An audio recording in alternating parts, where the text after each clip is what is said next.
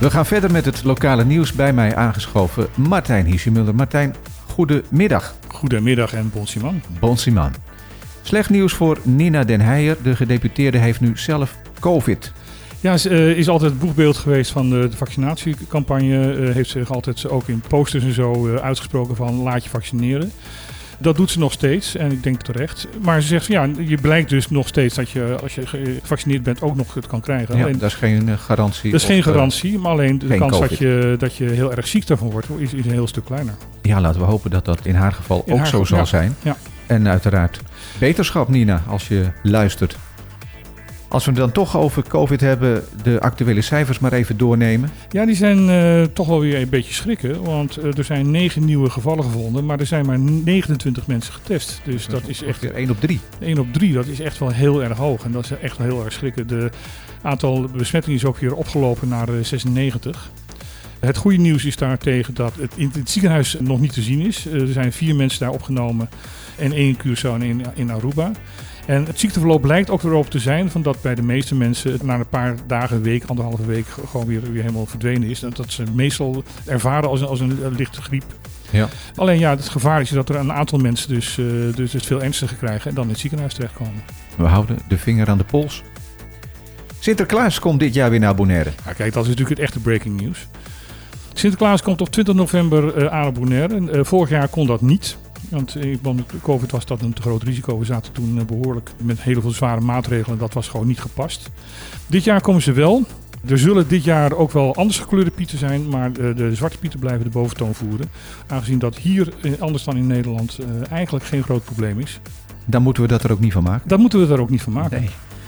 Het CFT, zo lees ik, heeft de Eilandsraad van Bonaire opgenomen om meer daadkracht te tonen. Wat willen ze? Ze willen dat de eilandraad meer de toezichthoudende taak uh, op zich neemt en ook uh, verantwoordelijk daarvoor neemt.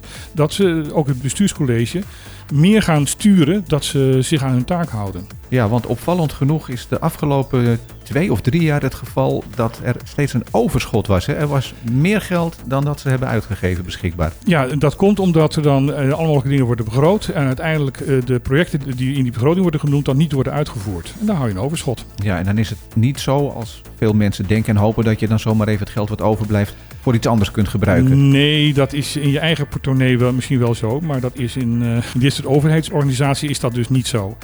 Er is wel enigszins positief nieuws. Het CFT geeft aan van dat de rekening vanuit 2019 heel duidelijk verbeteringen laat zien. En dat mensen nu zijn aangenomen als hoofdfinanciën en concerncontroller en directeur bedrijfsvoering. En dat daarmee ook een aantal belangrijke functies zijn ingevuld, waardoor misschien uh, ook het hele beheer wat beter op poten kan gaan komen. Dus het lijkt erop dat ze in ieder geval de goede weg te pakken hebben. Dat ze een opgaande lijn hebben. Ja. En dat is heel veel jaren niet zo geweest. Iets heel anders. Ja. De Surf Kids. Die gingen naar Sorbonne en daar was een leuke verrassing voor hun. Ja, de klas van uh, Monique Meijer, die uh, elke zaterdag daar uh, kids surfles geeft, die liet ze weten van, nou, ga naar Tati en, en Tonki. Het strandje bij Tati en Tonki. Ja, dat was afgelopen zaterdag. De afgelopen zaterdag. Ook de ouders die meekwamen dachten van, nou, ze gaan daar gewoon trainen. Maar tot hun grote verrassing was daar de grote held Kiran Badlou. De Olympisch uh, gouden medaillewinnaar. Ja. Die heeft leren surfen op Bonaire. En, die was er nu om die kinderen een lesje te leren. Een lesje te leren. En ze mochten allemaal eventjes de gouden medaille van hem om. En, en dat soort dingen. En het was echt super. Ik weet iemand die erbij was, uh, een van de ouders. En die zei van ja, nou, ik heb zelden kinderen zo zien stralen. Heb je er een foto van die we eventueel zouden kunnen plaatsen op de ja, Mega nieuwspagina? Ja, ik heb er foto's van. Oké, okay, dan gaan we dat doen. Leuk.